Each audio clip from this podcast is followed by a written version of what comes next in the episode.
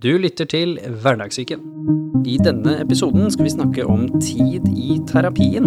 Og du skal få høre fra Kristin Ørvik og Seinab Al-Hassan, som begge jobber som psykologer, og som har jobbet både i det private og det offentlige, med stor bredde og erfaring og ekstra engasjement rundt det å ha tid til at terapien utfolder seg. Velkommen tilbake til eh, Hverdagssyken, og velkommen for første gang til dere to. Tusen takk. Tusen takk. Og i dag så skal vi snakke om da tid i terapi som en eh, liksom hovedtemaet vårt her, rett og slett. Mm. Men hvem er nå dere for noen folk? Uh, ja, uh, jeg heter Kristin Ørvik, og jeg er uh, utdanna psykolog. Nærmer meg eh, ferdig spesialist i psykoterapi. Og jeg eh, har eh, jobba med litt forskjellig innenfor eh, feltet. Mye, en del år i rusfeltet. Nå jobber jeg med unge pårørende i Blå Kors. Mm. Jeg heter Seinab Al-Hassan. Jeg er psykologspesialist og jobber på DPS her på Østlandet. Og en kveld i uka så er jeg på Favne. Jeg har jobba mye med Eller jeg har jobbet de siste ti årene med pasienter med forskjellige, eller personer med ulike typer problematikk. Mye traumer har gått igjen. Selvfølelse. Um, ja. Egentlig mye spesialisthelsetjenesten. Så kommer jeg mer inn på det sikkert når, når, når det dukker opp. Mm. Det skal vi absolutt.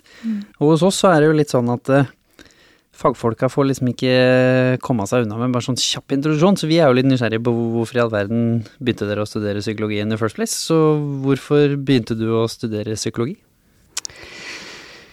Uh, ja, i den grad jeg har eh, full innsikt i min egen motivasjon for det, så um, tror jeg nok at det handler om at jeg uh, har alltid vært veldig interessert i hvorfor folk gjør det de gjør.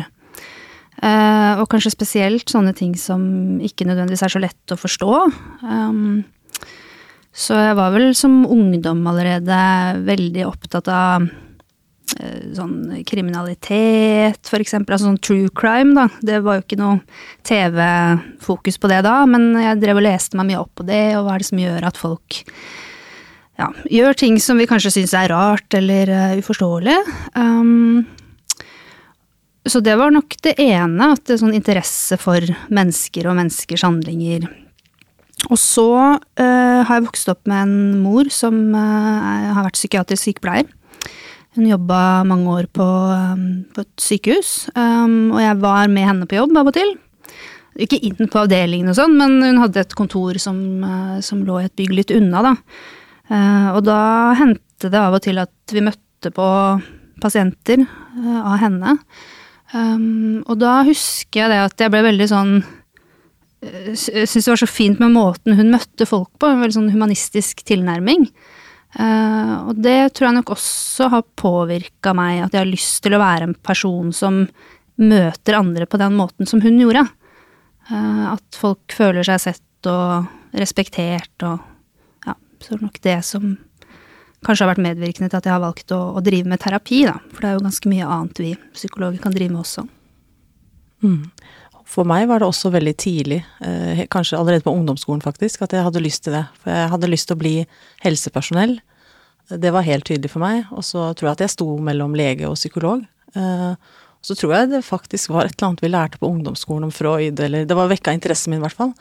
Og så siden så er det på en måte den tanken bare grodd, eh, og liksom interessene også. Uh, og så når jeg tenker tilbake til da jeg var enda mindre, så tror jeg at jeg liker å se sånn når ting gjentar seg, mønstre som gjentar seg, hvorfor folk gjør som de gjør, hvorfor de tenker som de gjør. Uh, det har fascinert meg ganske lenge. Og også sånn, jeg husker sånn før psykologi, så var det litteratur som var liksom en veldig interesse hos meg. Og jeg tenker at Ja, det er sånn Freud-sitat som jeg brukte mye, eller jeg har tenkt mye på, det er at liksom at det er eh, jeg husker ikke, men han sier noe om at det er poeter som på en måte er de sanne menneskekjennerne, ikke oss med vår uh, skoleflinkhet. Mm. Så jeg tenker at det å ha med seg ja, det fenomennære uh, Hvordan oppleves det f.eks. å ha depresjon? Hvordan oppleves det å være ensom? Hva er uh, ja, disse tingene her? Og nå etter at jeg har jobbet som psykolog i noen år, så syns jeg i de forløpene hvor man faktisk får til en endring, da, så syns jeg det er liksom en kunst, da. Eh, det, det er nesten som en dans. Terapi har en sånn spesiell rytme. Mm. Jeg vil bare at du skal vite hvordan jeg har Det det. er ikke noe enkel historie å stå fram og fortelle. Angst er kroppen som sier fra om noe. Dette er Hverdagssyken, podkasten hvor vi sammen med gjester, både eksperter og vanlige folk, tar for oss de tabubelagte temaene og mental helse i hverdagen. I dag så skal vi jo snakke om tid i terapi, så når var det det dukka opp for deg som et tema? Hvor du liksom tenkte det med hvor mye tid man bruker i terapi og er liksom viktig for deg, og noe som du tenkte at det skal jeg stille opp en podkast for? Mm. Det er jo et tema som, eh, som vi har med helt fra studietiden, altså som diskuteres og drøftes i ulike forum, men eh, eh, for meg så handlet det nok mye om det at jeg har jobbet i spesialisthelsetjenesten tidligere, og nå jobber jeg i lavterskel. Eh, og i jobben min så møter jeg jo en del som, eh, som er i det offentlige, eller som har vært i det offentlige systemet, og som eh, forteller om erfaringer med at, at tiden er så knapp. Um, Og da snakker vi om pakkeforløp, 45 minutter. Ikke sant? Hvis du skal beskrive liksom, Ja. hva er det de fleste møter, hva er normen da, i spesialisthelsetjenesten på det de fleste kan møte i dag? jeg tror nok at det vil variere litt fra hvilken, eh, hvilket DPS man er i, f.eks., eller hvilken BUP man er i. Det kan jo kanskje du mm. si mer om enn meg, men, men eh, så det vil nok variere litt. Men en del av de beskrivelsene jeg får, er jo spesielt på dette med at terapiforløpene avsluttes nesten liksom før man er i gang. Um, og at man f.eks. allerede i første time begynner å snakke om når skal du være ferdig her. Um, og så er det jo også gjort en del undersøkelser og kartlegginger på det som tyder på at det er en del som opplever det. For først så tenkte jeg kanskje at ok, kanskje de jeg treffer har vært uheldige, eller kanskje det er et Oslo-fenomen, eller noe sånt. Eh, Men så viser det seg jo at, eh, at det er noe som går igjen i flere undersøkelser, da, både når man snakker med pasienter, pårørende og fagpersoner. Så, så er det noe som gjentar seg. Ja, hva er normen? Hva, hva er liksom de Fordi pakkeforløp har jo blitt snakket uh, mye om. Ja. Ikke bare oss, for den saks skyld. Riktig. Så det regner jeg med et hett tema generelt. Men i utgangspunktet, hva er det for noe? Ja, pakkeforløp, ja. Eh, Sånn som jeg i hvert fall forstår det, så er det det Altså, det kommer jo fra det, Altså, det er gode intensjoner, og det kommer fra somatikken. Det, er, det handler om at eh, du skal få det minimumet hvis du f.eks. bank i bordet har kreft, ikke sant. Så skal du få det og det og det, og vi skal passe på at du får det innen den tiden. Som eh, gjør at du får liksom adekvat behandling, ikke sant. Og så tror jeg det er en tanke, men det kan hende at noen arresterer meg på dette, men at liksom dette er direkte overførbar til psykisk helse. Noe jeg på en måte er noe skeptisk til. Fordi Men, men det er liksom ganske uh, Det er litt innlysende. Altså, hvis jeg har en type kreftform eller knekker Ja. et bein, så er det jo større sannsynlighet at det kan kobles sammen med én type behandling eller en type Mm. antall timer. Fordi fysisk helse har litt lettere for å bli målt i form av hvor lang tid det tar Ja. å bli bedre. Mens innenfor psykisk helse så kan jo det å ha depresjon, hvis man liksom eller ADHD, da, som jeg har, som er litt mer sånn satt diagnose, så kan det for noen ta årevis å komme seg forbi fordi ADHD-en gjorde at du fikk masse traumer og en hel haug med andre tilleggsting som ikke på en måte har noe med ADHD-en egentlig i seg selv å gjøre, men Ja. Mm. som er en tilleggskonsekvens. Så da kan ikke jeg komme til et satt antall timer basert på et gjennomsnitt basert på forskning. Da kan Mm. det hende at eh, vi bommer på 50 Ikke sant, og det er veldig meningsfullt. For jeg tenker jo at altså, de gode intensjonene handler om at man passer på at man liksom som pasient får uh, passe mengde i forhold til det man presenterer. Men så er det jo veldig sammensatt, ikke sant. Det kan være som du sier, at man må først komme i veldig god kontakt for å kunne forstå og skille mellom liksom hva er traumer, hva er ADHD, hva er tilbakevendt depresjon, osv. Få kontakt generelt med deg som menneske. ikke sant? Jeg, Ja. jeg bryr meg jo ikke om kirurgen min er bra menneske, så Ja. to be fair. Ja, det er sant. Det er viktigere for meg at kirurgen min er stø på hånda, enn Ja. at det er en bra person, eller som jeg har god connection med. Mm. Og hvorfor skulle man dele så mye uh, med noen som man på en måte har dårlig kjemi med, eller som man ikke føler seg trygg på? Det, det gir jo egentlig Det er jo ganske Egentlig, når man tenker over det, så er det jo innlysende. Uh, og helst så skulle det ha vært sånn at hvert terapiforløp var helt individuelt, og helt sånn at du på en måte fikk skreddersydd. Men så er det den derre at man Det fenomenet som er at når du er i kontakt med noen, så tenker du mer på de som du kjenner, som du har et navn på og en historie på, sammenlignet med de som, er, som du ikke kjenner, som er 100 stykker på en venteliste. Så, så jeg har noen ganger jeg har mange sånne dilemmaer med meg selv. Fordi den personen som jeg kjenner, som har et navn, du kjenner hva barna heter, ikke sant? det er veldig vanskelig å eh, runde av et forløp når de fortsatt trenger å fri Ja, ikke Ja. sant?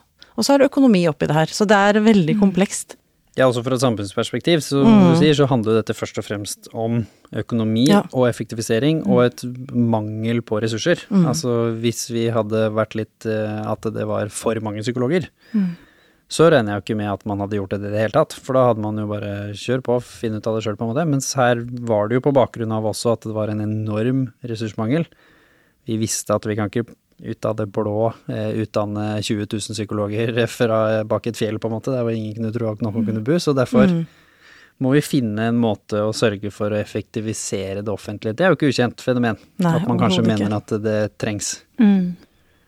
Det kommer jo sikkert derfra, men hvordan har det opplevdes Jeg kan begynne med deg, som gikk derfra, på en måte. Hvordan har det opplevdes for deg, hvis du skal fokusere på det med tid i terapi, som en av utfordringene, for vi trenger ikke å snakke om alle fordelene og bakdelene med pakkeforløp, men hvorfor syns du denne måten å gjøre ting på kan ha vært problematisk når det gjelder det å jobbe med psykisk helse, og sånne satte rammer?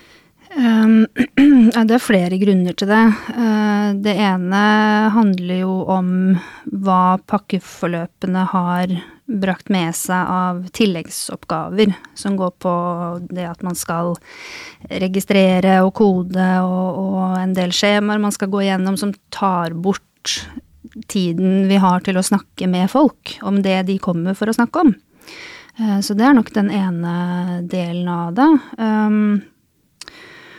Og, og den andre delen av det tenker jeg at det er også noe med det at terskelen for å komme inn i systemet blir høyere og høyere, sånn at eh, du skal ha mer og mer alvorlige problemer for å faktisk få rett til hjelp.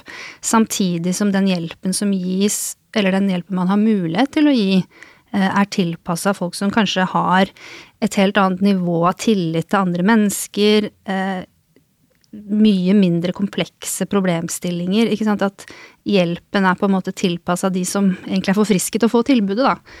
Eh, Sånn at det, det mener jeg er veldig problematisk. Og så har vi selvfølgelig, vi psykologer, også ulike meninger om ja, hvem, skal, hvem skal ha et offentlig tilbud, og er det mulig at vi kan organisere oss ut av dette gjennom å gjøre ting mer effektivt? Hva er rette måten å gjøre det på? Eh, Men jeg, eh, jeg er veldig opptatt av de som, eh, som har komplekse problemer, og som virkelig trenger at, at tiden er tilstrekkelig. Hvis du skal gå litt på den biten med at dere er jo bare et menneske dere òg, som jobber som psykolog, så en av de tingene som jeg har tenkt mye på og snakket mye om, det er jo hva gjør det med deg og din prestasjon når du føler at du er presset på tid hele tiden, og at du ikke selv rår over Du får ikke lov å bestemme hvor lang tid du skal bruke på denne pasienten. Mm. Ja, noen ganger så er jeg veldig ærlig om det, og så sier at uh, jeg vet at eh, vi har liksom så og så mange timer eller tid. Uh, hva tenker du liksom, er det sånn Altså min vurdering er eksempel at den utredningen, den var god nok. Vil du heller fokusere på det som på en måte skaper problemer for deg? Og så kunne jeg eksempel ønske, og det mener jeg virkelig, at liksom vi kunne også ta tak i flere ting. Men akkurat nå så ser jeg at ok, vi blir enige om dette her, og så jobber vi. Og for noen så funker det, men for andre så blir det sånn at de lukker seg før de har åpna seg. Eh, og det er også vanskelig. Eh, og så tenker jeg når jeg personlig er veldig stressa, så blir jeg litt sånn eh, eh, jeg, ja, litt sånn uh, firka sånn, jeg, vil, jeg liker ikke at jeg blir så pressa at jeg blir liksom en litt annen terapeut enn det jeg ønsker å være. For når jeg har space, når jeg kan puste, jeg har Så tenker jeg mer kompliserte tanker, lange tanker. Tenker langsiktig, ikke bare her og nå, men tenker eksempel på ja, ikke sant, du har små barn, hvordan er det for de hvis du får god behandling, og hva vil den ungdommen som ja, i dag er en treåring, tenke? Liksom, altså det blir et helt annet eh, Ja, jeg får mer terapeutisk rom og handlefrihet når jeg ikke er pressa. Jeg kan også være en bedre kollega hvis kollegaene mine strever, og vi kan på en måte blåse ut litt hos hverandre.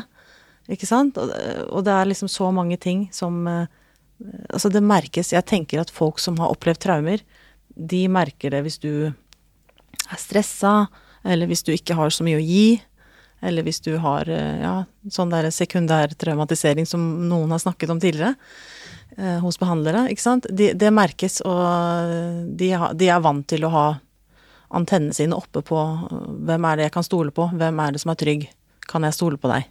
For det er et voldsomt forventningspress til dere her. Altså vi, hvis jeg skal bruke meg selv som pasient nå, altså vi som kommer inn, har jo en tanke om at nå skal du prestere like bra hver eneste time, fordi jeg fortjener den timen, og jeg har kanskje bare 15 av dem i tillegg, så nå skal du i hvert fall brette opp armene dine og hjelpe meg her. Så vi som jobber i andre jobber, da. Har du en dårlig dag, så går jo det stort sett greit. Så tilpasser du oppgavene litt, kanskje. Så kanskje du har et kundemøte, eller kanskje du har en presentasjon hvor du må liksom skjerpe deg litt, hvis du skal liksom bruke det stereotype begrepet. Men hvis du må skjerpe deg litt hele tida når du er på jobb, det må være slitsomt. Det blir jo tappende i lengden. Um, og det er, det er, jo også et problem at mange blir sykemeldte og ikke orker å stå i det lenger. Jeg tenker også ofte mye på dette med dette med moralsk stress. Den derre følelsen av at jeg vet at jeg egentlig burde gjøre noe annet enn det jeg faktisk får til å gjøre. Jeg vet at egentlig så trenger pasienten min at vi snakker om datteren, eller egentlig så er det behov for at jeg ringer Nav, og vi ikke sant? Det er så mange ting som, som vi vet at, at, folk kanskje trenger som vi ikke får gjort. Og, og den følelsen av å gå i det dag ut og dag inn, det tror jeg er veldig nedbrytende for terapeuter å være i. Hva gjorde det med deg? For du bytta jo. Jeg, jeg, reiste jo ut av dette systemet helt i starten av pakkeforløpene. Og, og, dette var ikke hovedårsaken til at jeg bytta jobb, jeg fikk bare et uh, tilbud jeg ikke kunne si nei til. Uh, men sånn at jeg kom meg nok litt ut av det før det ble for intenst. Men det er klart at jeg kjente jo på det når det plutselig kom en, en sånn lang liste med krav som skulle oppfylles, og frister, ikke minst, og sånne røde flagg som sto og blinka i journalen, og nå har du ikke rukket mm. det og det, og Så det, det, gjør jo noe med en. Jeg, jeg, tror nok ikke at det ville vært godt for meg å være i det over veldig lang tid. Jeg er også en eh, person som trenger rom til å tenke. For hvis vi skal snakke om tid i terapien her, og det å lykkes med god terapi Steg én, som du sier, nå har du jo nevnt flere av dere, tillit, en relasjon de fleste som kommer inn, så er dere et ukjent menneske. Mm. Så sånn at ikke man tilfeldigvis kjenner dere fra før. Så liten er ikke Oslo. Så en ukjent menneske kommer inn og skal snakke om noe av det tøffeste de vet om. Dette er jeg ganske god på, for det gjør jeg hele tiden, med å intervjue folk om det, uten sammenligning for øvrig. Det er ikke lett. Så hva er det med det med tid og det å bli satt i litt sånn dårlig versjon av seg selv som terapeut som er veldig uheldig? I det møtet der. At du kanskje ikke er den beste versjonen av deg selv, da. Mm. Og så sitter du der foran en ukjent som skal nå fortelle om det verste de har opplevd, eller noe som er dritflaut eller skamfullt. Mm. Jeg tenker jo at uh, det vi vet av fra, fra sånne virksomme faktorer i terapi på, på, tvers av metoder, så er det at det er veldig viktig med håp tidlig i forløpet. Og det faktisk, apropos, det syns jeg at jeg prøver å få til, fordi da kan jeg tenke meg noen ganger om at ok, nå skal jeg prøve å få til en god relasjon. Jeg skal være opptatt av det du er opptatt av. Selvfølgelig så må jeg spørre om noen formelle ting, som er helt viktig på, i første time i en spesialisthelsetjeneste. Men også ha masse tid til å si noe om på en måte at dette kan vi gjøre noe med, dette forstår jeg sånn, jeg vet jo ikke enda. Og på en måte bruke tid på egentlig litt small talk, bare gjøre dem så trygge som de kan bli, da. Og så si at um, ja, og så prøve, prøve, å være mer obs på det enn at jeg skal krysse ut et skjema, i hvert fall første to gangene. Eh, det er jeg i hvert fall opptatt av, så kan noen heller arrestere meg på det. Men det har faktisk Det har det vært rom for. Jeg har ikke hørt noen tilbakemeldinger på at uh, du skrev ikke det første notatet kjapt nok, eller uh, Den tiden tar jeg meg faktisk. Og så er det viktig å kunne legge seg flat, fordi vi er jo mennesker, vi òg. Har jeg vært sur eller nå høres jeg ut som jeg er sånn Men jeg er ikke det, altså. Men, men jeg tenkte på Altså, har jeg på en måte Lov å ha en dårlig dag. Ja, har hatt en dårlig dag, så er det lov å si noe om det, vet du hva. det har vært litt mye. Eh, Det hadde faktisk ikke noe med deg å gjøre i det hele tatt. Eh, Men det var på slutten av dagen, eh, og ja, hvordan ble det for deg? Ikke sant? Selv om det er logisk, det er lov å ha følelser rundt det, ikke sant? Mm. Det er litt morsomt at du sier, fordi det føler jeg at det er sånn som veldig mange går med en tanke om at dere ikke får lov til. Å ha psykologisk trygghet og åpenhet og ærlighet knytta til det. For det er akkurat som om det skal jo ikke dere gjøre. Dere skal jo være disse perfekte folka. Og tilbake til det vi snakket om sa dere skal ikke få lov å levere en dårlig prestasjon, fordi det er 10 av hele mitt forløp, så Så hvorfor tror du det er positivt? Å vær ærlig, hva slags respons har du fått når du tilfeldigvis har sagt at liksom, jeg hadde kanskje ikke den beste dagen i dag? Ja, jeg tenker jo at eh, det er jo akkurat det de kanskje har manglet tidligere i livene sine. At noen er ærlige og sier det som det er. At eh, nå er for eksempel som barn, så trenger man å høre at eh, nå var mamma trøtt og sur, det er ikke deg. Ikke sant? Altså helt sånn overforenklet, men at det har veldig viktig funksjon. funksjon. Og så at man på en måte kanskje har hengt det på noen knagger, at man får en god dialog. At liksom, hos en pasient så kan det gi gjenklang at eh, å nei, jeg trodde jeg var dum, eller ikke sant. Eh, Mens en annen kan si at å, jeg trodde at ikke det var relevant eller viktig det jeg sa. Så får man egentlig en veldig god dialog rundt noe som på en måte eh, kom fra meg denne gangen, da. Men eh, eh, Så ja. kan du egentlig spille opp at man f- kommer nærmere hva som er utfordringen. For Ja. her får du et eksempel på min dårlige selvverd, f.eks. Bare fordi at du har en dårlig dag, så Mm. Ja. føler jeg at det er Ikke jeg som sant? er problemet. Å få en korrigerende erfaring på at liksom sånn kjentes det. ikke sant? Jeg gikk hjem og følte meg så dårlig, og så sa du det neste gang. Og så kjente jeg at åh, nå kan jeg kanskje stole mer på henne, eller Ja. Så jeg tenker at det er viktig å bare være ærlig også. Man trenger ikke å være så kald. Og så er det jo Man er jo et menneske som er en psykolog, da. Som Man skal ikke bli en helt annen enn den man vanligvis er. Selv om man er profesjonell, selv om man er seg selv, så er det viktig å liksom ikke bli en helt annen.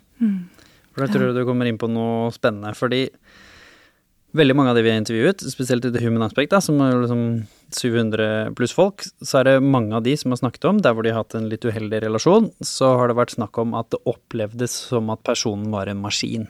Det opplevdes som at personen ikke var interessert, det opplevdes som at personen var kald. Klassiske forklaringer, ikke sant. Og det er gjerne forbundet med starten. Skjema blir trukket frem.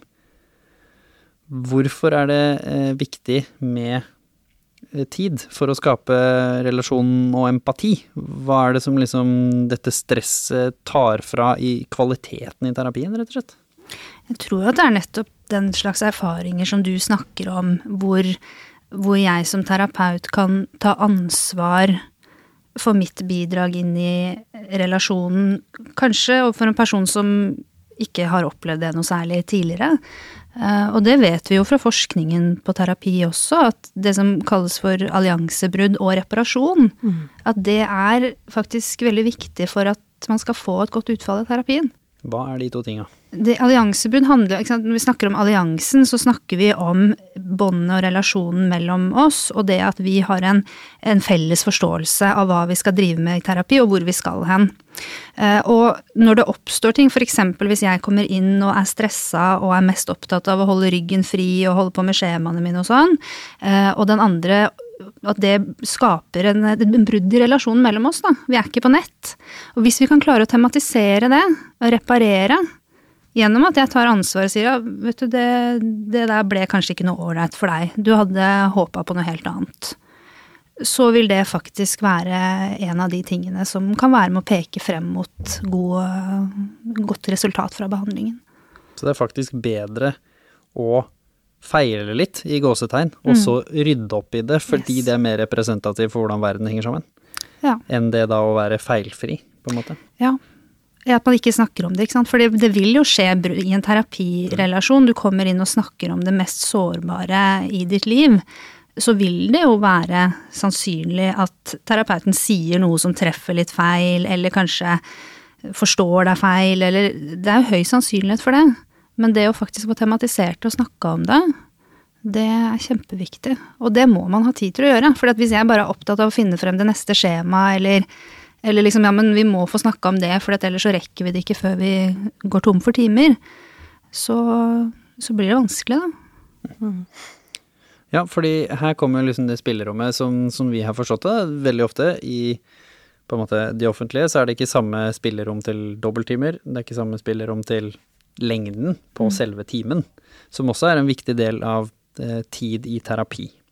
Hvis vi skal ta for oss den tingen der, og det at veldig mange sier at det, det skjer at det kommer gjennombrudd fem minutter før skal gå ut, ikke sant, så typisk. Når alle har roa seg og liksom Som kan jo for så vidt være fint, for det kan hende at det kan føre til en veldig reflektiv uke for denne pasienten, men det kan også være veldig uheldig, for det er jo nå jeg kanskje kunne ha fått et kjempeutbytte av 30 minutter til, som et eksempel. Tid i terapi og lengde på én time, hva er fordelene og bakdelene her med liksom det å kunne bestemme det selv, om det er en time eller det da med låste rammer?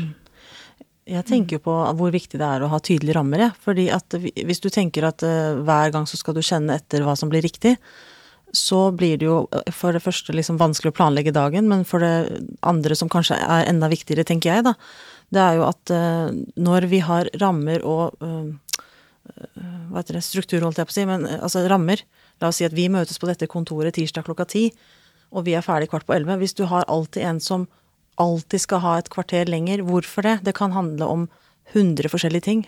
Føler han seg berettiget til å ha mer tid? Um, forventer han mer tid? Forventer han særbehandling? Forventer man um, at uh, Altså, det kan være så mye forskjellig.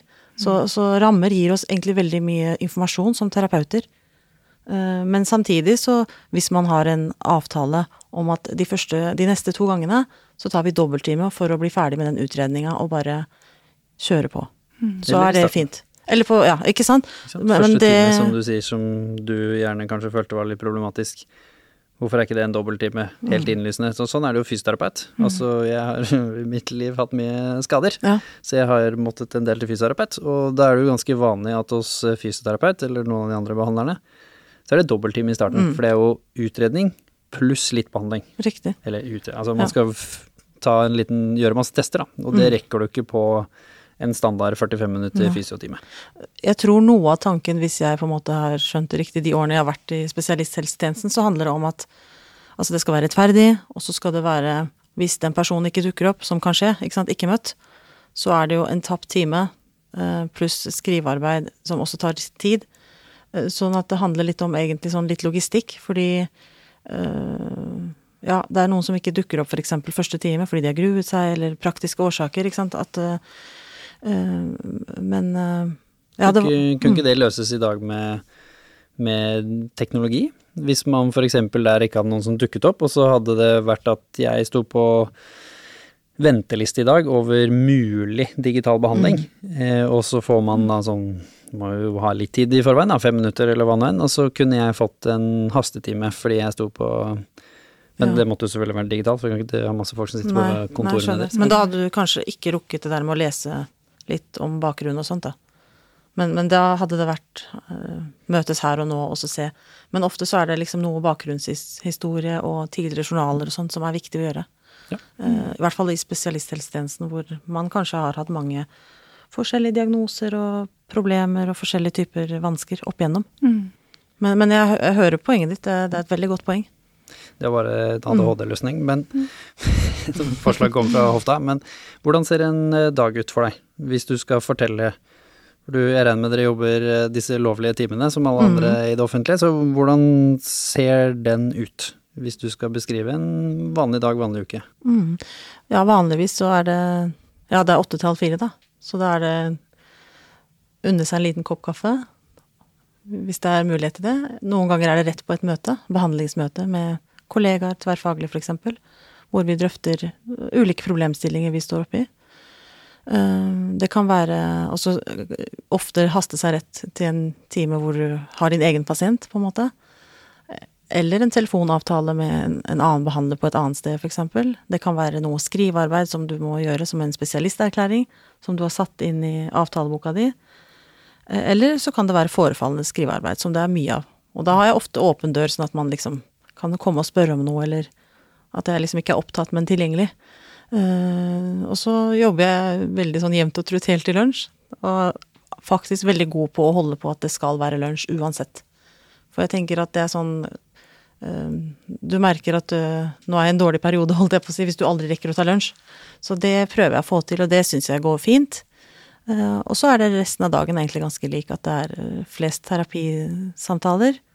Telefoner, SMS om på en måte flytting av avtale, skrivearbeid.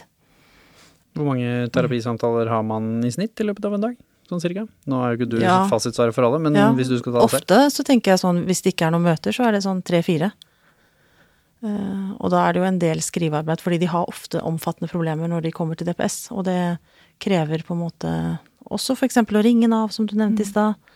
Eh, kanskje ringe pårørende fordi du skal ha mer opplysninger om et eller annet. Sånn at det egentlig er en time, en helt annen time Altså det krever helt mye Altså etterarbeidet, det krever en del etterarbeid. Ja, Hvor mye tid er det til hver av de? Hvis du skal liksom sånn vanlig snitt, så er det 45 minutter til timen, Mm. altså samtalen. Cirka hvor mye er det, eller hva Ja. fra til, da. Ja. Jeg pleier å sette av 45 minutter og skrive 60 minutter i boka mi for å skrive, sånn at alt på en måte med den personen er fullført. Men er det noen lengre rapporter og sånn, så må jeg ta det en annen gang. Fordi det rekker jeg ikke før neste kommer. Ja, Så det er liksom kvarter, da. Ja, et kvarter, ja. Mm. Å skrive de forskjellige tingene. Du jobber et annet sted nå, Ja. ikke sant? Så hvordan, eh, hvordan er det annerledes i form av det med tid til terapi? Mm. Eh, altså jeg jobber jo eh, Jeg jobber jo nå ikke lenger i spesialisthelsetjenesten, så en del av de kravene til både samhandling med ulike instanser og dokumentasjon er jo mye mildere der hvor jeg jobber. Eh, og de problemene folk kommer inn med er jo også ikke komplekse på samme måte. Sånn at eh, jeg bruker eh, mesteparten av min tid på samtaler, og så skriver jeg jo selvfølgelig journal, som, eh, som jeg er pålagt på å gjøre, men, men vi skriver lite rapporter, vi har lite vi har noe samarbeid med, med Nav eller fastlege, det kan skje, men det er ikke så mye av det. Um, men så jeg bruker nok tiden min i hovedsak på samtaler og, og journalskriving, men jeg driver også en del med grupper. Uh, og har en del uh, familiesamtaler, parsamtaler. Sånn at det å, og, Og da har jeg ofte lengre, så gruppene er ofte lengre, og familiesamtalene er ofte lengre enn individuelle samtaler. da. Eh, og så bruker jeg også en del tid på um, Så vi driver også en del med formidling i min jobb, sånn at det å forberede Det kan være foredrag f.eks., for eller eh, sånne type aktiviteter er også en del av det, da. Og hvis du tenker på litt sånn det snakket om i stad, litt frihet. Mm. Så hvis du får inn en pasient, eller en person, som du får inn, og du tenker liksom Her tenker jeg, som du nevnte, at det kanskje kan være lurt med noen dobbelttimer eller noe lengre tid for visse deler av det løpet som denne personen skal inn i. Har du da fritt spillerom til å gjøre det? Innenfor visse grenser, ja. Eh, Jeg setter ofte av eh, en klokketime til første samtale, f.eks., i stedet for tre kvarter, som er det jeg vanligvis eh, har. Ja, par- og familiesamtaler så er det ofte har opptil halvannen time. Og grupper også lengre, da. Eh, Og det skjer jo også at det kan komme noen som f.eks. har eh, mer alvorlig traumebakgrunn, hvor vi må bruke tid på at de skal føle seg trygge nok i rommet, hvor jeg kan også finne på avtale på forhånd at vi bruker lengre tid. Men jeg er nok også opptatt av det med forutsigbarhet, og, og at det er en plan vi har fra før. Sånn at jeg prøver å holde meg til den tiden vi eh, har avtalt, da. Ikke alltid at det lykkes, men, eh, men jeg har i hvert fall et mål om det, og prøve å være forutsigbar også i det. Det er en trygghet. Og så er det, vil bare nyansere litt sånn, jeg tenker på, det er noen metoder, eksempel med eh, MDR, da, som handler om traumebearbeiding, og hvor man eh, tenker at uh, man bør ha lengre timer, fordi du skal på en måte også lukke det som du åpnet opp, da. Så at personen kan gå ut i verden og liksom fungere som pappa eller arbeidsgiver, eller, ikke sant. Så da, da setter jeg av mer tid. Men, men for meg, da, liksom hvis jeg skulle tenke sånn veldig firkanta og kynisk, så, så, så eh, er det én time som jeg på en måte Uh, Altså, systemet ser ikke at den timen tar lengre tid, kontra en annen som på en måte har lettere problematikk, og vi jobber 45 minutter med uh, La oss si ja, en mindre hendelse, da. Ikke sant? Så det, det men, men jeg har muligheten til det, og jeg har også muligheten til å ta dobbelttimer hvis jeg f.eks. er enig om at eh, da gjør vi det. Men da tenker jeg alltid sånn Ja, altså om de kommer, på en måte, så er det veldig fint, og da får vi gjort det, og da får vi på en måte sendt av gårde det vi skal. Men det er også sånn litt sårbart hvis jeg har satt av en halv dag til noe, og så skjer det ikke. Det er vel alltid noe papirarbeid som kan Ja, fylles opp? Ja, det kan det. Men det er interessant det du sier der, fordi det sier noe om et system som ikke, som ikke legger til rette for at man skal bruke den fleksibiliteten, da. Ikke sant? Hvis det ikke telles, det måles på andre ting enn Eller ting som kanskje ikke har så mye med kvalitet i terapi å gjøre. Eksempel hvor mange timer eller hvor lang tid før epikrisen kommer ut. Det kan jo være viktig, viktig informasjon å samle inn, men, men da forsvinner jo en del av det arbeidet som gjøres. Ja, kan vi ikke snakke litt om det? Hva er For det er jo subjektivt, men forskningsbasert og objektivt. Alt om hverandre.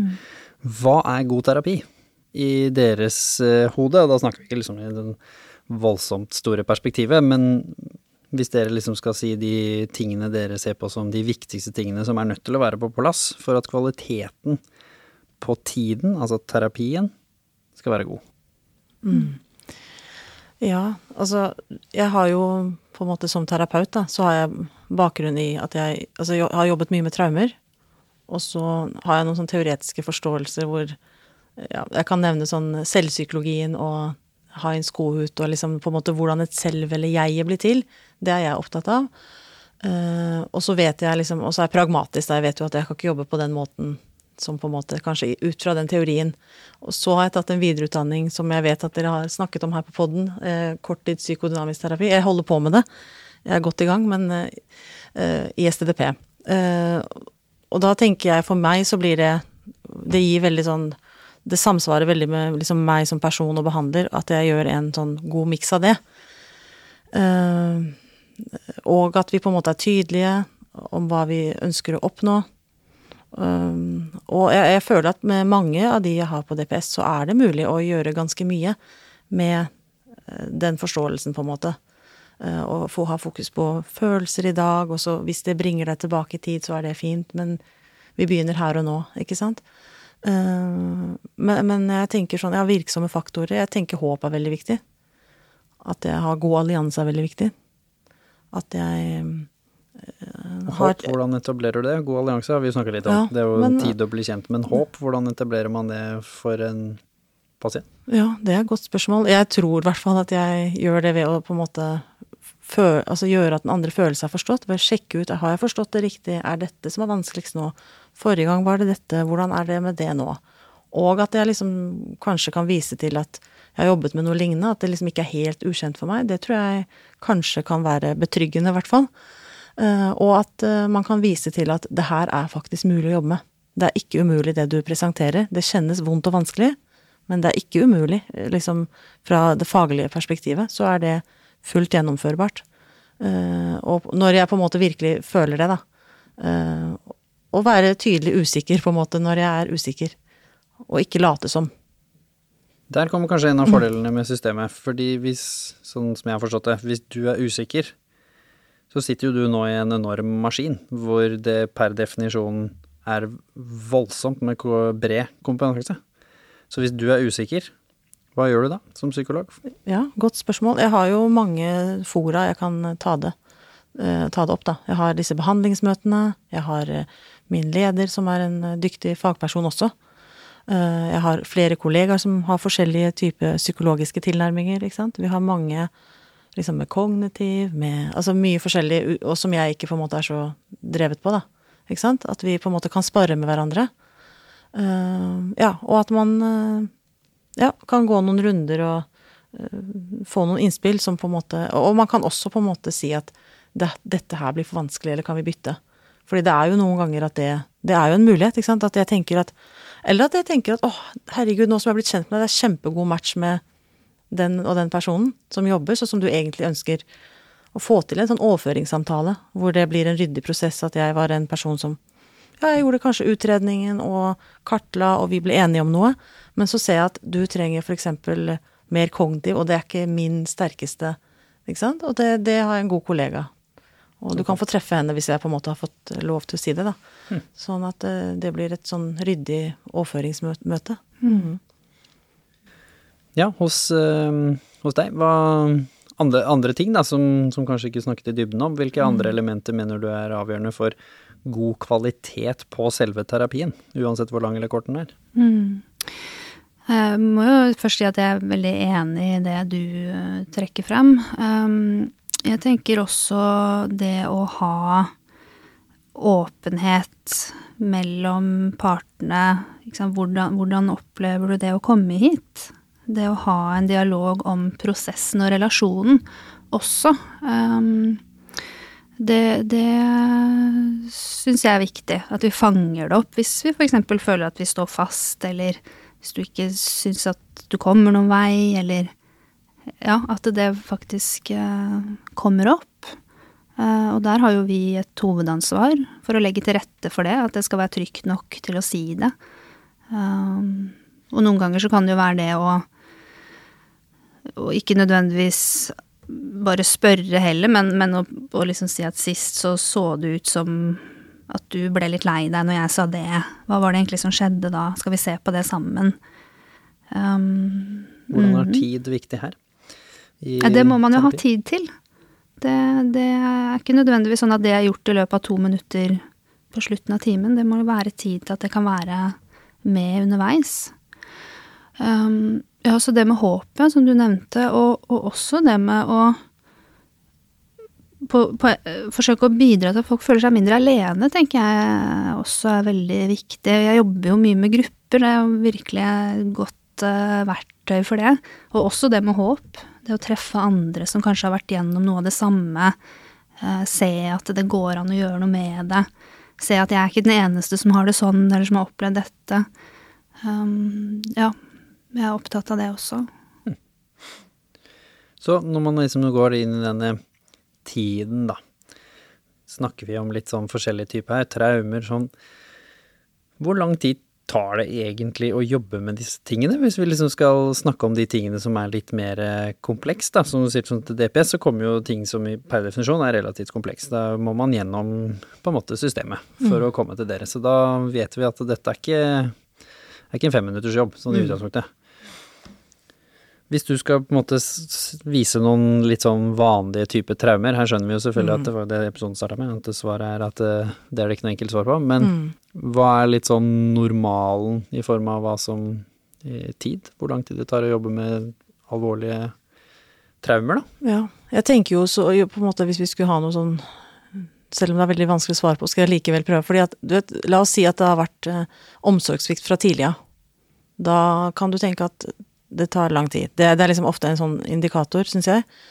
Eller hvis et traume har skjedd veldig sent i livet, det, og det har vært en god, på en måte solid barndom i, i, bunn, så tenker jeg Hvis jeg skulle si noe på generell basis, så, så er det liksom et, et Da får jeg inntrykk av at vet du hva, jeg tror her så kan vi få til sant, Den hendelsen du opplevde på byen som var veldig uheldig, den tror jeg, sant, når vi har gjort en kartlegging, at det Jeg, jeg har troa på at liksom det tar eh, fem til ti timer.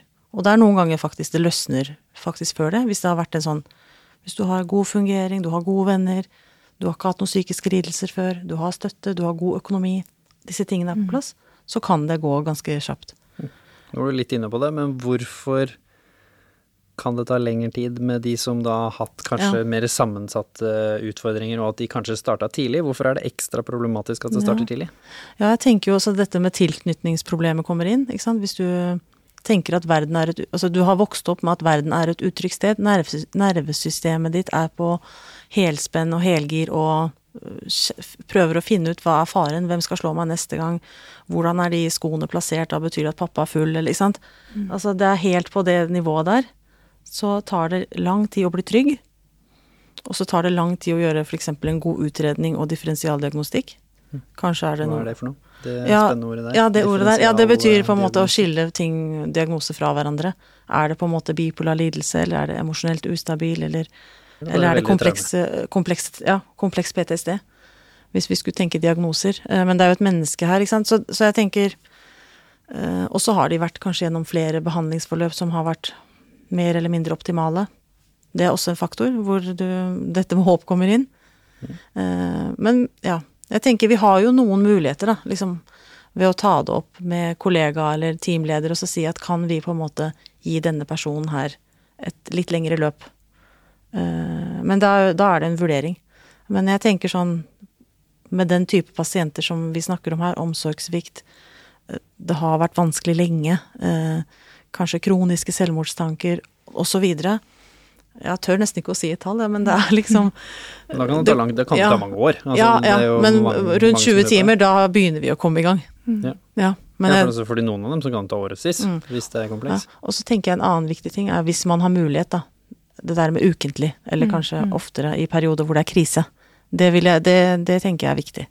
Det er også en del av tid. Hvorfor er det viktig å kunne spille på det òg? At for noen utfordringer så kanskje man må ha lengre tid mellom timene fordi jeg må jobbe med ting eh, hjemme før jeg kommer til deg. Mens andre ganger så er det viktig at jeg kommer tett på fordi Hvorfor det? Mitt inntrykk er i hvert fall hvis det er sånn med traumer, og vi har opp, åpnet opp noe veldig vanskelig, eller kanskje han kom i kontakt med noe han egentlig ikke hadde tenkt på på mange år, eller noe ble veldig vanskelig, så får jeg lyst til å øh, Altså på en måte når- jeg begynner å tenke på hvordan blir dette liksom å gå rundt med dette her alene en uke eller to, da, da den magefølelsen min, den, da, da har jeg lyst til å tilby liksom en ny time, ja, la oss si det er en tirsdag, da, torsdag, før helgen, sånn at uh, jeg, jeg sjekker ut hvordan dette blir for deg. Og, ja, sånn at det er noe med det at du åpner opp noe, og så er det det etiske rundt det. Ja. Eh, og du kan forebygge ganske mye ved å vite at 'å, jeg har time over i morgen', jeg. Så da, da, da går det fint. Da trenger jeg ikke å ringe bestevennen min eller ditten og datten og liksom bruke opp systemet mitt, eh, eller sånn nettverket mitt, for det er mange som er opptatt av det. At tenk hvis jeg liksom ringer enda en gang, og så kutter de meg ut, ikke sant. Så ja, for da holder du mer ut, på en måte. Eller du veit du har en time klokka ti, så hjelper det veldig. Ja. Jeg tenker jo også på det med Du nevnte selvpsykologi og, og ikke sant, de som har mer komplekse traumer, masse tillitsbrudd. Så for min erfaring at ganske mange kan streve med å å holde terapeuten i sinnet sitt mellom timene. Ikke sant? Fordi eh, hvis, hvis alt det med tillit og relasjon fungerer ganske greit, så, så vil jeg kanskje etter en samtale ha med meg den personen i hodet og liksom referere ja, hva var det, ja, hva var det, hva var det hun sa, ja, hva, hva ville hun ha tenkt nå? Du har kanskje Mens- åpne nettverk med venner, så det kan hende at jeg diskuterer det nå med kona, sant? gubben, Ja. bestevenninna etterpå, så jeg faktisk er trygg nok til at jeg kan jobbe litt med det, men ikke bare alene, Ja. også med andre. Det er lettere å jobbe mellom timene, ikke sant? Mens mange av de som strever mest, blir liksom alene idet vi lukker døra. Da er de overlatt til seg selv. Og det, det mener jeg er et godt argument for at man møtes hyppig nok til å opprettholde det inntil man har jobba sammen lenge nok til at det er mer på plass. For det er jo noe som kan utvikle seg over tid. Du er jo et lavterskeltilbud, som du sa, nå. Det vil jo si at de som kommer til deg, regner med spriker litt mer i hva de står i. Mm, ja. Hvordan, hvordan er det på en måte annerledes med tid i terapi på et lavterskeltilbud versus et spesialtilbud hvor de på en måte i hvert fall har vært igjennom en eller annen form for Det er jo masse informasjon om denne personen før de kommer til deg, mens hos deg, i teorien, så kan det bare være et navn, og det er egentlig det. Mm, ja, jeg vet ofte litt på forhånd. Eh, men, men fordi at kravene til hva jeg skal kartlegge og utrede er jo helt annerledes, så har jeg jo i mye større grad mulighet til å ta utgangspunkt i det de er opptatt av der og da. Så noe kartlegging gjør jeg jo for å se er du på rett plass, eller burde du vært i spesialisthelsetjenesten, eller, eller i et annet type tilbud.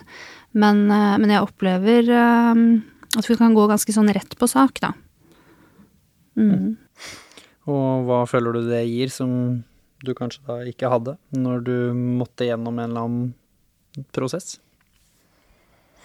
Jeg opplever at det gir eh, At det ofte blir møtt med veldig sånn lettelse hos de jeg snakker med. Eh, og at det kan være med på å gi den terapeutiske relasjonen en god start. At de føler seg lytta til og ehm, Ja, og at det er noen som er opptatt av de. Nå jobber jo jeg med, med folk som har vokst opp med rus i familien. eh, og en del av utfordringene man kan få i ettertid av det, er jo at man blir veldig opptatt av hva det, hva som er viktig for andre. Ikke sant? At det er noen andre som er i fokus. Men det at jeg har muligheten til å faktisk vende blikket mot de, og si hva, hva er viktig for deg, istedenfor at jeg kommer inn med min agenda, Det, det syns jeg gir eh, veldig mye som jeg tror er viktig for den gruppa jeg møter på. Vi skal ikke smartvarne systemet, for systemet er viktig, og det er mye fantastisk hjelp der, og mye veldig bra folk der. Så selve tiden du nå skal bruke, hva tenker du på en måte Hvordan jobber du utafor de tingene du allerede har snakket om, da, innenfor eh, eh, rammene? Så når du først Ok, du har fått meg inn, nå skal vi jobbe med disse tingene sammen. Hvordan jobber du gjennom et løp nå, hvis du skulle liksom ta oss med litt på planleggingen og det positive ved Ja. at det har rammer, da? Ja. ja, det positive er jo at vi Jeg har jo Jeg tenker veldig sånn informert samtykke, på en måte. At vi, at vi har Jeg kan liksom si noe om hvordan jeg forstår det du presenterer. Og så kan jeg si noe om at uh, vi kan gjøre sånn. Jeg kan tilby deg det, den behandlingsformen. Eller så tror jeg på en måte at samarbeidet med Nav, eller at vi på en måte faktisk setter oss ned og gjør den der eh, utredningen som systemet vil at vi skal gjøre. Jeg tror noen ganger at det har veldig mye for seg, fordi det er noen ganger det er liksom noe kanskje jeg glemmer å spørre om, og så sier de noe, eller noe i skjemaet som plukkes opp som får meg til å tenke å ja, men jeg har ikke tenkt på eksempel at det kan være eh, la oss si Asperger, da. Men, men å, nå ble jeg oppmerksom på det, og da får da Det på en måte genererer jo en del sånn Hvis personen strever i livet sitt på grunn av det, og verden eller omverdenen ikke vet det, og han alltid får utfordringer han ikke kan løse, og på en måte velger også ut fra eh, hva A4-livet tilsier, da, men at vi på en måte kan si at du har dine styrker her og her. Jeg tror at det du på en måte legger opp til, er liksom det å gå rundt og stange. Det, det vil ikke være godt for selvfølelsen din. Så jeg tror at kanskje vi skulle ha satt oss ned og gjort den utredningen, og så eh, kontakte f.eks. Nav, ha et møte. Og at faktisk så kan det være det å gå ned i en stilling, eller at systemet vet at ok, vi skal ikke gi han den jobben som han strever mest med, men noe annet som han er god på. Ikke sant? Det kan, men, men det handler jo om at øh, den personen kan komme og si at jeg strever med f.eks. Sosial, det sosiale, eller jeg strever med det og det, og så når vi snakker om det, så, så blir det tydelig for meg at kanskje er vi i det landskapet. Og da kan jeg si at jeg tror, jeg er ikke sikker, men ut fra hva du sier, så vil jeg på en måte foreslå at vi bruker tiden på utredning, fordi at hvis vi gjør det, det må være en sånn på en måte kost-nytte, så tror jeg at eh, du vil ikke ha den der følelsen av å gå og stange. Systemet rundt deg. Ja, og da er du ikke på en måte lat eller noe annet i hermetegn, men, men, men det er på en måte noe som du har strevd med over tid, som, som det er liksom sånn du, du er, og det er ikke noe galt med det. Men det er bare at uh, i en sånn A4-setting så kommer det forventninger til deg som du ikke kan møte.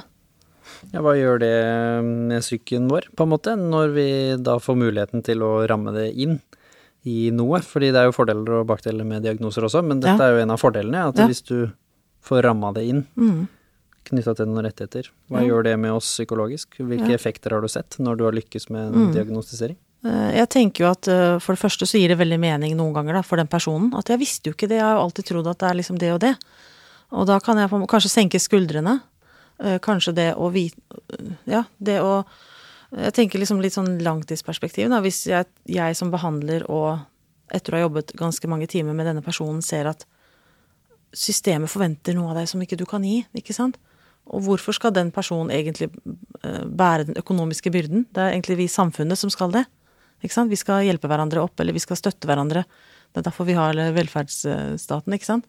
Så tenker jeg at ja, da fant vi ut eksempel at å jobbe 40 det er like mye som en 100% for deg. I noe som du engasjerer deg i.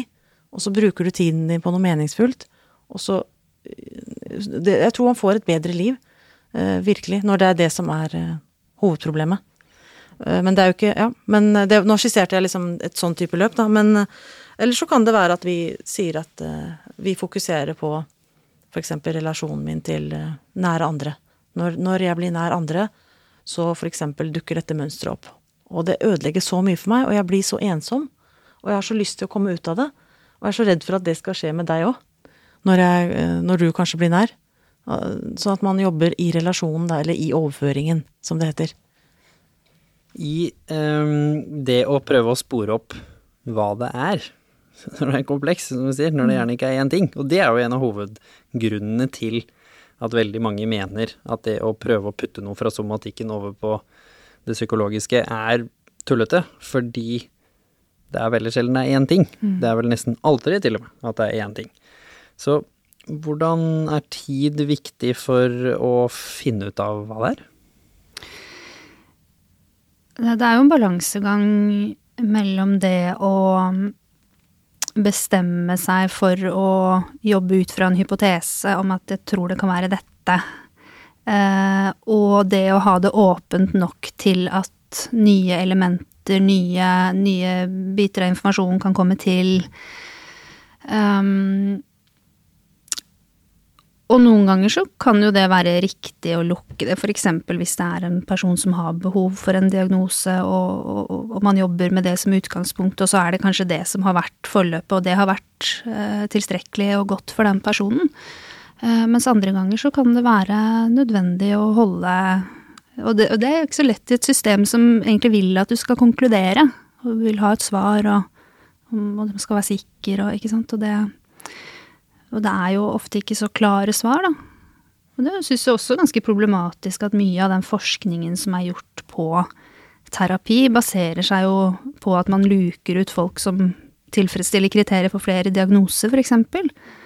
Sånn at det, det er ikke så lett å Ja, det stemmer ikke med den virkeligheten uh, vi ser.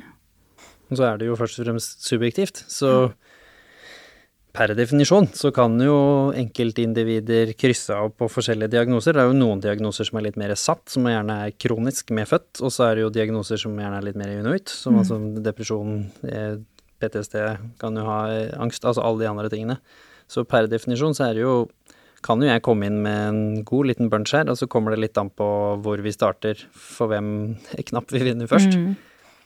Men som du sier, det virker som for meg at kanskje noe av det viktigste i denne relasjonen er at jeg som person skal føle at vi jobber med det jeg mener er viktigst. Mm. Selv om vi finner ut av det sammen. For jeg kommer jo til deg fordi jeg sitter jo ikke med svaret sjøl, da hadde jeg jo ikke kommet. Så mm. hvordan jobber man med det? Fordi som vi sier, det er sjelden det er én ting. Så hvordan jobber man med å finne ut av hva er det som ligger i salatbollen her, men hva skal vi ta tak i først? Jeg fikk sånn tanke opp om sånn uh, uttrykk jeg hørte mye referert til under studia, men å være sånn godartet nysgjerrig. Ikke sant? Være nysgjerrig på Ikke sant, du tror for eksempel at det er ADHD. Og det, det, vet jeg jo ikke nå om det er, på en måte. At man gjør en sånn kartlegging hvor de er med på det. At man sparrer, liksom. Altså, vi har felles prosjekt, du kan veldig mye om deg selv. Jeg kan en del om faget. Mm.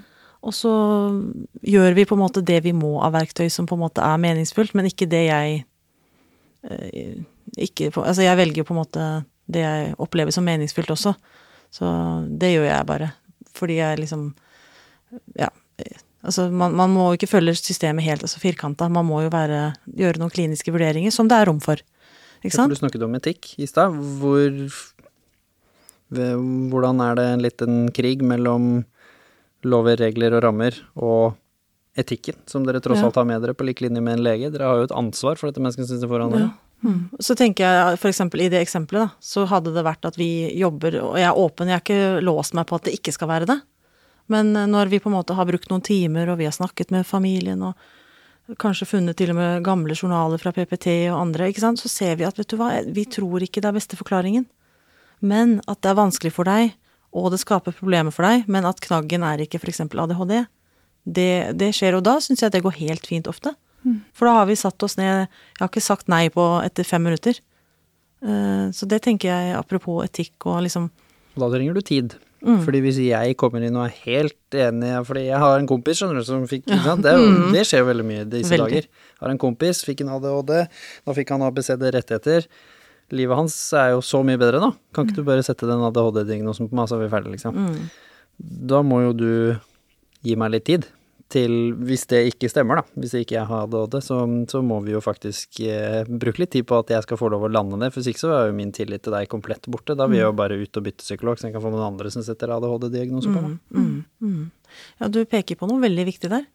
Uh, men der kommer fagligheten inn, ikke sant. At du skal bruke relasjon, du skal være tydelig. Du skal tørre å mene noe. Jeg tenker det er tillitsvekkende òg. At du kan noen ganger Noen ganger er det tydelig for oss, da, at ikke det er det. Mm. Uh, og da tenker jeg at vi kan si det. Men timing er alt, ikke sant. Apropos tid, men timing også er viktig. Så på en måte, når de skjønner at du virkelig bryr deg, og at du bare ikke er en sånn rullebånd, altså at ikke Ja, at de er eh, et sånn individ som på en måte er helt unikt, Ja, bry seg er jo bry helt seg, avgjørende her. mm, så tror jeg folk tåler veldig mye. Altså jeg syns at man kan eh, si ganske mye på en ryddig og fin og varm måte, og det blir tatt veldig greit imot. Sist, men ikke minst, eh, det er veldig viktig at man viser at man bryr seg. Det er jo det motsatte av en av de tingene som jeg sa dukket opp i stad, når man føler at ting går litt for fort. Hvordan skal man klare å vise at man bryr seg selv om man bare har 45 timer pakkeforløp, time, halvannen time? Hvordan viser, man, hvordan viser dere at dere bryr dere i den tidsrammen dere har fått? Det å åpne ørene og, og, og lytte ordentlig til det folk sier, og prøve å gi noe av det tilbake på en måte som gjør at det kan tas imot.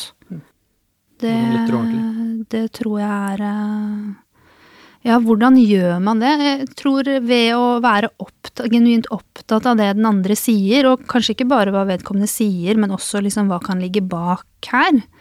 Eh, At vi lytter på flere nivåer. Lytte som om det er flere stemmer som venter på å bli hørt. Det er sånn uttrykk som jeg syns er veldig fint. At vi, vi lytter til det personen sier, men vi lytter også til hva som ligger bak, og vi lytter til om det kan være flere motstridende krefter i personen. Eh, og det tenker jeg at det er uh, den måten jeg som terapeut i hovedsak kan vise at jeg bryr meg på. Og selvfølgelig noen ganger så viser jeg det jo også med mimikk eller, eller tilbakemeldinger eller sånne ting, men at det er, det er det som er min hovedoppgave. Jeg syns det er veldig fint det du sier, og jeg syns det Jeg tror mange vil føle seg forstått når de blir møtt på den måten. Jeg tror Jeg kjente meg igjen i det du sa, fordi jeg tenkte på liksom at det er noe åpnende med den dialogen. Og, og det er på en måte litt annerledes enn en vanlig dialog du har med en venninne, at du kan si at 'ja, jeg er sliten', så sier hun 'ja, jeg veit det'. Og så kan det noen ganger være det at det, det lukker. Men eh, å lytte på en måte som er åpen, at jeg ikke Jeg vet ikke helt hvordan det, det er for deg. Liksom, hva tenkte du når du sa det, eller Da får du sagt at ja, men eh, i dag har det, dette og dette skjedd, eller noe min Altså hva som helst kan komme. Og det syns jeg er veldig fascinerende, og, og, og som gjør jobben gøy, da. Det er at eh, når du på en måte stiller de type spørsmålene, som du på en måte ikke på forhånd veit svaret på, men du lurer virkelig, eh, da tenker jeg at det er åpnende, og det utvider rommet. Og da sist, men eh, ikke minst, hvis dere nå da skal Dere skal få begynne med å gi noen tips til andre fagpersoner der ute. Det er fryktelig mange fagpersoner som lytter til Hverdagssyken. Så når det gjelder akkurat dette her, med å være bevisst på tid, uansett om man har litt mer fleksibilitet i den tiden, eller om man eh, ikke har det, hvilket lite tips har dere til deres eh, kolleger der ute som, som dere har lært av noen andre, eller lært av dere selv? Da tenker du til eh, kollegaer som er psykologer? Ja, Ja. om hvordan de skal på en måte bruke tiden så godt som mulig. Du kan jo kanskje gi til de som er inne i systemet, da. Ja. Hvordan skal man klare å, selv om man er inne i systemet, gi så god terapi som mulig? Ja. Jeg tenker absolutt, bare sånn at det er sagt, at jeg syns det er mange muligheter eh, til å gi god terapi, altså. Det, det er det. Det er bare det, alt det vi har snakket om. Men jeg syns virkelig det er mulighet. Eh, og et tips, da, hvis jeg kan gi noen tips, det er jo på en måte å Jeg gjør absolutt det jeg må gjøre som er helt nødvendig, men jeg har også mye rom for det jeg syns er viktig, da. Ikke sant. Apropos Altså, vi må spørre om selvmordsforsøk eh, eller tanker. Liksom. Veldig mye sånn må vi på Og det, det gir egentlig veldig mening å ha gjort det og, og noe vi kan på en måte fortsette å snakke om. Men at man, når man noen ganger er ikke Det er ikke det som er hovedproblemet. Så kan man på en måte, i hermetegn, krysse av at man har gjort det, og ha fokus på hva er det du egentlig kommer for i dag. Ikke sant? At noen formelle ting gjør vi bare pragmatisk, fordi systemet vil det, og det er egentlig en god tanke bak det. Men min kliniske vurdering i dag når jeg sitter med deg, er at det er ikke det du strever mest med. Du strever mest med det her med samboeren din, og la oss snakke om det. Ikke sant? At jeg gjør det som er minimum, og så kan jeg ta det igjen seinere. Det er ikke noen som eh, Det er ikke så strengt heller, ikke sant. Folk er rause. Ja, ledelsen er eh, Det er fagfolk, og hvis jeg har gode begrunnelser, så syns jeg at eh, jeg kommer veldig langt med det. Så stole litt på seg selv? Ja. Stole på seg Og selv, ja. Og utfordre systemet litt, eller Ja, det likte jeg. Det var av veldig de to, det var veldig de to tingene sånn spot on. Du, til de som kanskje har litt friere rammer, som står da i det private eller andre lavterskeltjenester? Mm. Jeg tror det å snakke med de som kommer inn om hvilke rammer er det vi har, for det kan jo være forskjellig i ulike tjenester, selv om det ikke er i spesialisthelsetjenesten også. Og huske på at folk er forskjellige. Eh, Folk har forskjellige behov. Og så snakke med den som kommer inn på kontoret. Hva, hva, ser du for deg? Hva er dine forventninger? Um, og hvis det er hvis det er uh, strenge rammer for, for tiden, så å være ærlig om det, da. Og si at dette, dette er den tiden vi har. Vi finner sammen ut hva vi skal bruke den til. Råd til en person som kommer inn i systemet, altså en pasient. Hvordan skal, er det noe de kan bidra med som gjør at kanskje det blir bedre terapi? Ja, Uh, i den grad man kan, da, fordi liksom man kan jo oppsøke for alt mulig. fordi det er jo derfor man liksom trenger hjelp, da. Men, men hvis man også kan selv være åpen og nysgjerrig, altså at jeg strever med dette her, som virker sånn for meg i mitt liv, ikke sant, at jeg eksempel blir sint på barna, eller at jeg har vært sykemeldt, og så veit jeg ikke helt, eller jeg veit noe, sånn kjennes det, og jeg føler det i kroppen her og i brystet, og eh, men at man, eh, ja, at man kan finne ut av det sammen, det syns jeg er veldig fint. Eh, At man liksom At det ikke trenger å være en diagnose, eller ikke sant? At, man, at begge parter er nysgjerrige og åpne. Og prøver å finne ut av noe sammen. Mm. da kan man jo ha veldig ulikt utgangspunkt også, fordi at noen kan komme inn med en så klar og tydelig fornemmelse av hva problemet er, mens, mens for andre så er den kontakten innover så redusert at, at man trenger liksom ekstra mye hjelp med å finne ut av det. Um, men jeg tenker også på det der å Og det er noe jeg brenner veldig for, da, for min erfaring er at, eh, at en del kan oppleve det at hvis de ikke har klart å i gåsetegn klart å bli frisk i løpet av uh, veldig kort tid, at de tar det på seg selv. Ja, det var det jeg visste, jeg er ubrukelig, jeg klarer ikke å nyttiggjøre meg av, jeg får det ikke til, jeg ikke, klarer ikke det som er forventa. Og det der å, å huske på at det er Vi har noen systemproblemer her. eh, Og, og ikke ta alt det ansvaret på seg selv. Hvis du ikke får det til, i gåseøynene, så er det ikke sikkert at eh, det er deg det er noe galt med. Det kan like godt være systemet. Og tørre da å fortsette å prøve? Ja, ikke minst. For det er jo utrolig lett å miste motet, og at håpet forsvinner. Og særlig hvis man har gjentatte sånne erfaringer, ikke sant. Og det er jo det eneste du har. Og så, det har vi snakket om ganske mye også, det trenger jo ikke å være For verden er jo ikke svart-hvitt, så det trenger ikke å være at det er noe galt med systemet eller at psykologen er dårlig. Det kan rett og slett være noe sånn som det er en dårlig match. Mm. Det kan hende at der hvor du er nå, og den kompetansen som den fagpersonen du har, eller energien til fagpersonen akkurat nå, er en dårlig match. Så det da å si at jeg føler kanskje dette ikke er helt riktig for meg akkurat nå, har du muligheten til å hjelpe meg å bytte til en annen person, og så prøve en annen person.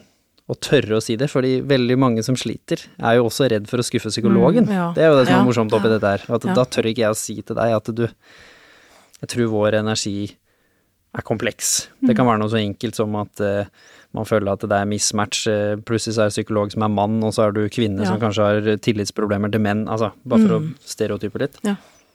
At man tør å liksom ta ansvar for sin egen tid i denne terapien. At jeg har ikke noe ansvar overfor terapeuten om å sitte her i 15 timer bare fordi jeg tilfeldigvis fikk deg som terapeut. Ne- Nettopp. Og så tenker jeg hvis man klarer å si noe om det på, sånn som du var inne på, Kristin, på begynnelsen av terapiforløpet, at liksom kan vi ikke ha en åpen dialog om på en måte hvordan ting Hvordan vi snakker sammen, hvordan liksom metakommunikasjon om relasjonen vår, da. Hvordan ble det for deg når jeg sa det? Hvordan, eh, hvordan eh, kjennes det når jeg sier det, og hvordan Bruke også egne følelser der det er nyttig. Og det tror jeg er så viktig, for det sitter jo virkelig langt inne å si at vet du, jeg syns ikke det du sa var så ålreit, eller dette funker ikke, eller at det, det der kontinuerlige arbeidet vi som terapeuter gjør med å legge til rette for det. Eller si at det du sa der forrige gang, det syns jeg var veldig bra. Kan vi sånn snakke mer om det? At Ja. jeg som pasient også tar litt ansvar for at det, det vi gjorde forrige gang, det funka skikkelig fint. Men kan vi gjøre litt mer av det? Fordi du kanskje tenkte ikke over det, og så prøver du en Ja. annen del av prosessen i dag. Mm, Jeg, blir bare sånn litt opptatt av én ting til, at det kan jo hende, da, at, eh, Altså ofte så er det det, at man kan på en måte ha en dårlig match eller sånn. Men så har du noen som på en måte har strevd med relasjoner så lenge at på en eller annen måte så har de hatt eh, så mange behandlerbytter. Så noen ganger kan det være det å finne ut av hvorfor det ble vanskelig. Og nettopp reparere relasjonen og kanskje komme sterkere ut av det.